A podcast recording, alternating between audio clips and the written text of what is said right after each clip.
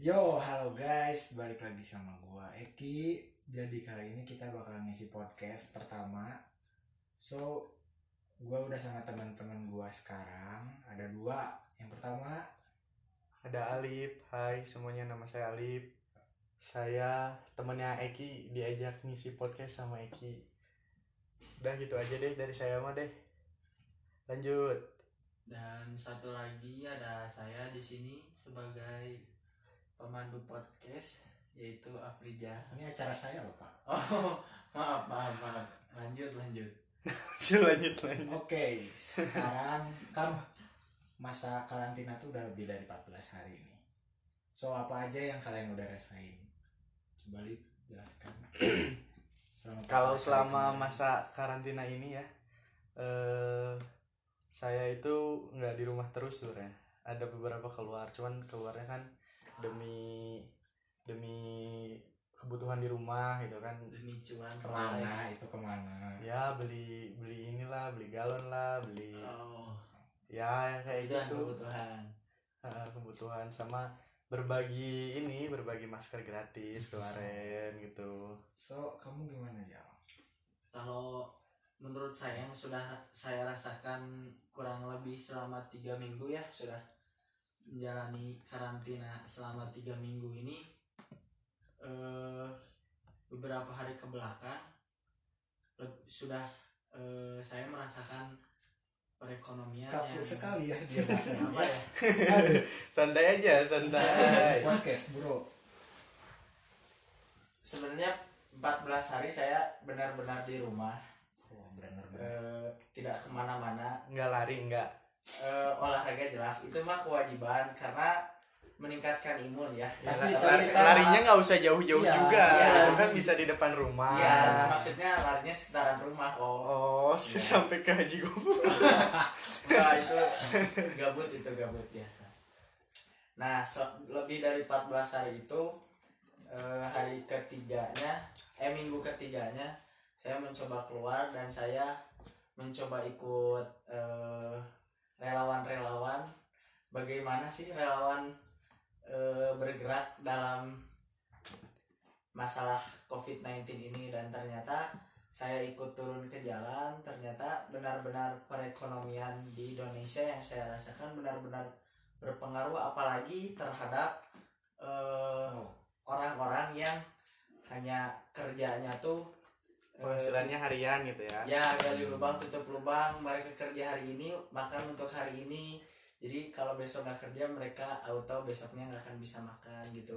Makanya di sini eh, semoga para pendengar-pendengar podcastnya Eki di sini anak muda Hmm. dan saya yakinlah eh, bisa di atas rata-rata ekonominya ya Ki. Enggak juga sih. Ya, Saya harap- amin lah. Saya harap pendengar-pendengar podcastnya ini perekonomiannya di atas rata-rata. Jadi saya harap saya harap lagi ya. Ya, harap. Terus kamu berharap. saya berharap kalian-kalian anak muda eh, habiskanlah harta kalian di jalan yang baik gitu kan. Di Kayak situ nyumbangnya Iya. kan lagi banyak donatur juga nah sekarang. gitu sekarang tuh eh, Gampang lah buat berbagi nah gitu. Banyak di sini ada di Cimahi ada gabungan apa Apa? Gak tahu. Relawan. ya di Cimahi juga banyak relawan mau lari ke Bandung yang lebih besar juga bisa gitu Oh, oke. Ngomong-ngomong soal 14 hari ini nih. Jadi eh, aku juga banyak kegiatan dan benar-benar nggak pernah gitu nge-karantina diri selama 24 jam di rumah. Selalu setiap subuh selalu ke pasar bantuin orang tua. Eh, juga kemarin juga kebetulan habis keluar kota walaupun ada wacananya kan tidak boleh mudik. Tapi ini mah urgent. So jadi ya payahnya gitu kan harus ke luar kota dan ternyata sebelumnya kan saya tuh cari-cari info ya mengenai gimana sih tata cara keluar kota yang benar di masa-masa sekarang ini kemarin-kemarin sih ada yang bilang katanya bakal banyak pemeriksaan di sepanjang jalan. Terus ada yang bilang kalau nggak punya surat sehat nggak akan boleh dilanjutin. Tapi ya dengan berat hati juga sih sebenarnya buat ninggalin Cimahi. Soalnya ya emang bener-bener lagi gawat apalagi ke daerah yang bakal didatengin tuh ada daerah yang zona merah gitu. Tapi tetap aja maksain. Ternyata bener di daerah yang mau ke zona merahnya itu di lockdown yaitu kota Tasik. Jadi kita nggak boleh ngelewatin kota Tasik sama sekali. Jadi ya gue juga itu ngelewatnya ke jalan kabupaten bukan ke kota gitu. Nah rencana kamu nih Jal. Kan udah nih 14 hari beres. Harusnya kan 14 hari karantinanya. Tapi ternyata pemerintah nambahin lagi. Jadi gimana nih? Apa yang bakal dipersiapkan lagi Eh, saran saya mah bu saran saya bukan untuk pemerintah bukan untuk eh, kalangan-kalangan orang-orang yang ilmuannya tinggi gitu ya. Saya mah hanya orang yang eh, memberi saran kepada orang yang berkecukupan agar eh, kalau semisalnya kalian memang harus kerja di luar sebenarnya nggak apa-apa cuman kita di sini terapkan physical distancing bukan social distancing ya menurut saya mah. Kalian boleh eh, kerja eh, hular hilir gitu ke mana-kemana tapi eh, yang pertama harus diperhatikan kebersihan harus jelas. Bersihan kebersihan ya. Terus eh, jangan sampai kontak fisik eh, itu emang harus gitu. Sebenarnya apa? Oh bingung guys dia guys. Aduh. Ya mungkin kan kita tuh harus jangan kontak fisik nih. Terus gimana nih kalau misalkan persoalan masker? Banyak ahli yang bilang bahwa sebenarnya eh, virus corona covid-19 ini nggak nggak ngaruh gitu lewat penularan udara. Sedangkan kita tetap aja masih menggunakan masker. Jadi sebenarnya masker itu digunakan untuk apa sih? Apa yo dan untuk kalangan-kalangan atas ya jangan membebani orang-orang yang di bawah seperti ya contohnya penjualan hand sanitizer sama eh, masker. Kalian masker ditimbun beli banyak-banyak pas dijual mahal sama hand, san- hand sanitizer juga. Jangan Dosa. sampai seperti itu gitu. Dosa. kita tuh di sini tuh eh, makhluk sosial gitu. Ada nggak sih dari kalian memiliki hati jiwa sosial? Kalau misalnya gitu ini mah eh, buat orang yang nimbun gitu. Mereka meninggal atau mati ya istilahnya begitu. Siapa buat orang nimbun? Ya. Ya. Terus ba- orang banyak tahu nih eh, mereka dia tuh orangnya tuh suka nimbun barang-barang. Nah pas dia meninggal nggak ada yang ngubur jadi gimana tuh? Jadi apa namanya teh? Apa? Dosa ya jangan sampai sosial kita tuh harus baik lah gitu jadi kalau kita terlihat di or- di mata orang lain sosial kita tidak baik tuh malah nanti ke depannya kita mah tidak bisa mungkin bisa tidak akan dianggap di dunia ini jadi harus saling timbal balik lah Iya, betul juga sih. Ya, kalian juga tanpa pembeli masker mungkin buat penjual masker sosial apa konsum konsumennya. Udah. Nah, ini ada Alif lagi nih barusan habis pergi nih dia. So Alif, kan masa karantina ini sebenarnya 14 hari awalnya dicananginnya. ah Namun dalam pelaksanaan justru ditambah lagi gitu. Lalu sebenarnya apa sih yang perlu kita siapkan kembali gitu? Karena masa karantina ini perlu diperpanjang lagi.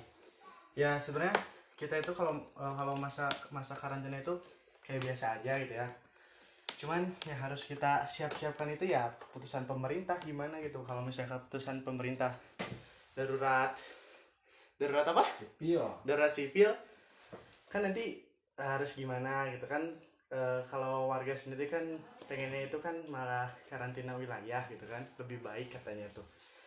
Jadi sebenarnya kalau misalnya eh, karantina mandiri itu ya kita santai-santai aja gitu kalau misalnya jangan panik buying lah yang kayak orang-orang bilang gitu terus jangan social distancing physical distancing harus dilakukan walaupun di rumah juga maybe seperti itu Iya.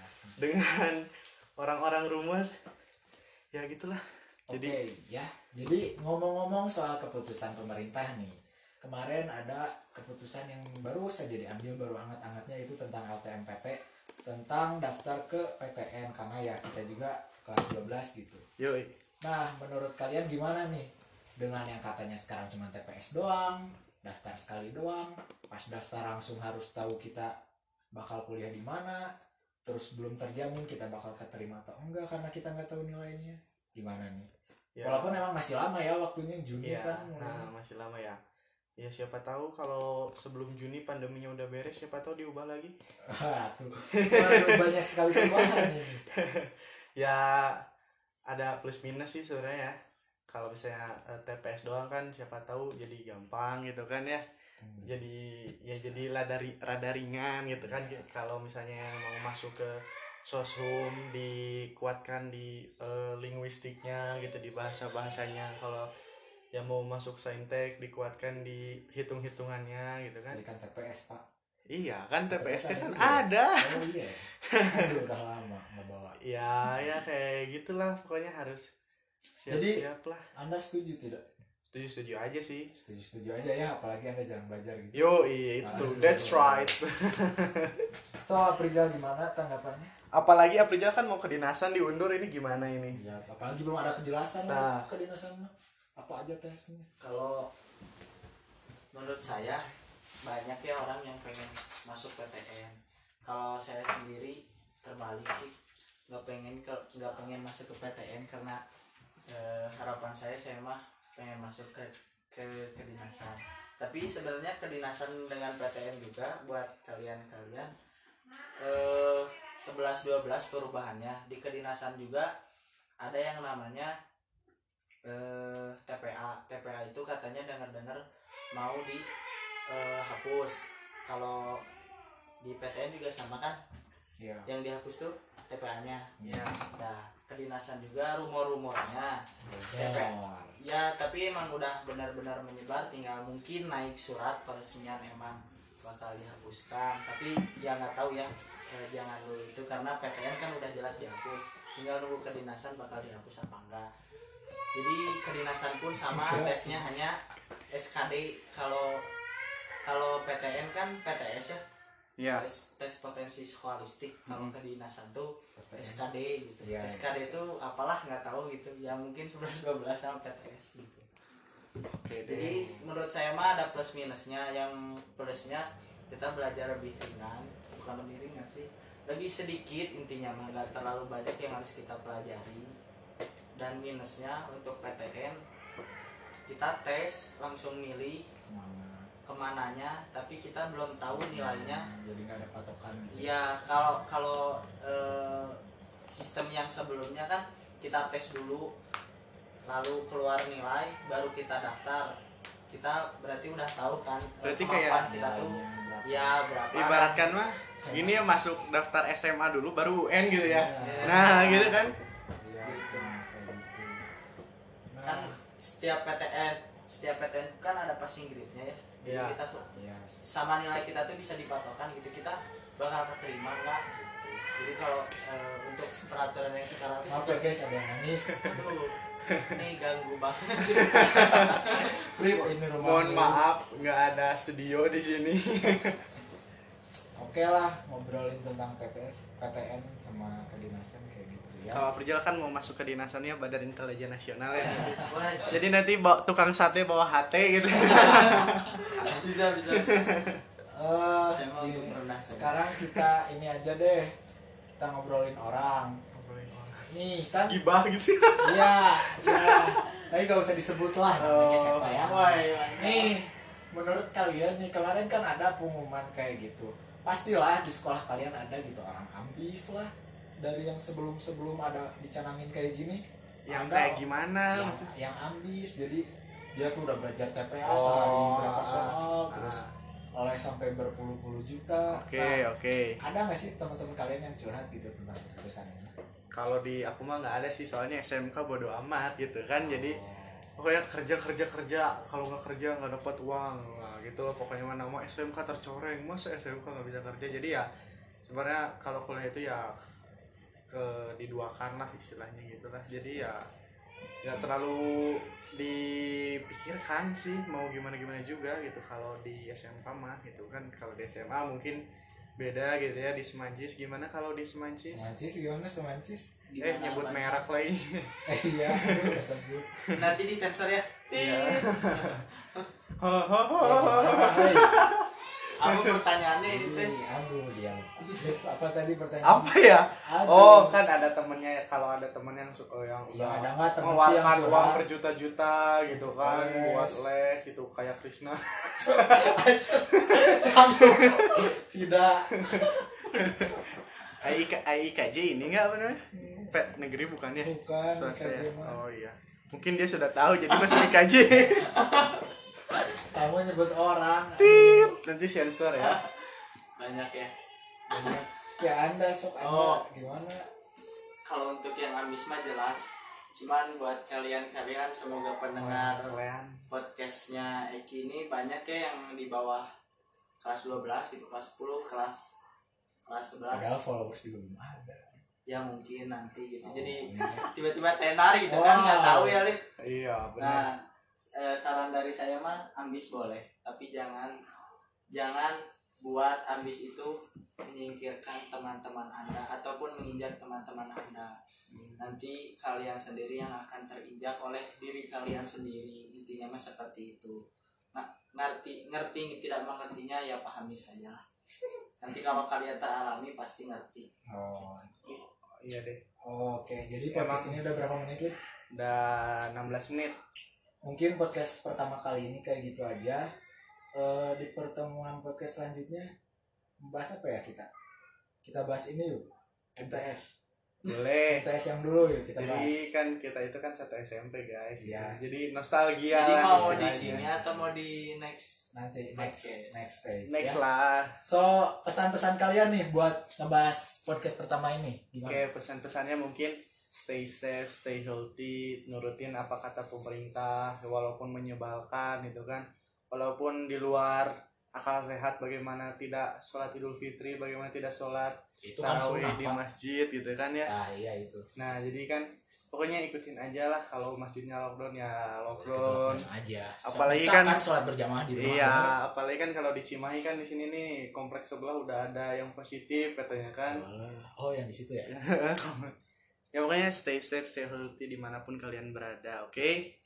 itu dari Alif sekarang dari Afri untuk saya eh untuk dari saya maksudnya dari tipe ya. Untuk kalian. Untuk dari saya untuk kalian. Via via WhatsApp, via Facebook, via Spotify. Ya, via Spotify. jangan pernah menilai negatif seseorang apalagi kalian dalam kondisi seperti ini menilai negatif pemerintah. Jangan saya yakin pemerintah sekarang sedang bersikeras berpikir keras untuk jalan yang terbaik. Jadi kalian jangan pernah menilai pemerintah pemerintah ngapain sih diem aja? Mana angkat suaranya? Suaranya mana nggak ada di rakyat? Jangan pernah berpikir seperti itu. Iya. karena pemerintah pun sedang berpikir keras untuk kalian kalian para rakyat Pro- rakyat pro jelata pemerintah. pro pemerintah bukan Iya. maaf bukan pro pemerintah karena keluarga saya tidak ada yang pemerintah tapi Iya. saya bisa merasakan oh, ada, ada teman ya ada karena teman guys PR. ada teman pemerintah Pak. Guys. Ngomong-ngomong dia PKS. Wah, disensor lagi disensor lagi tit So itu aja podcast kali ini. Kalau pesan dari gue mah ya udahlah kalian stay safe aja. Di hashtag di rumah aja itu tetap ramaikan di Instagram Iya ya. So itu saja buat podcast kali ini. Terima kasih telah mendengarkan and bye.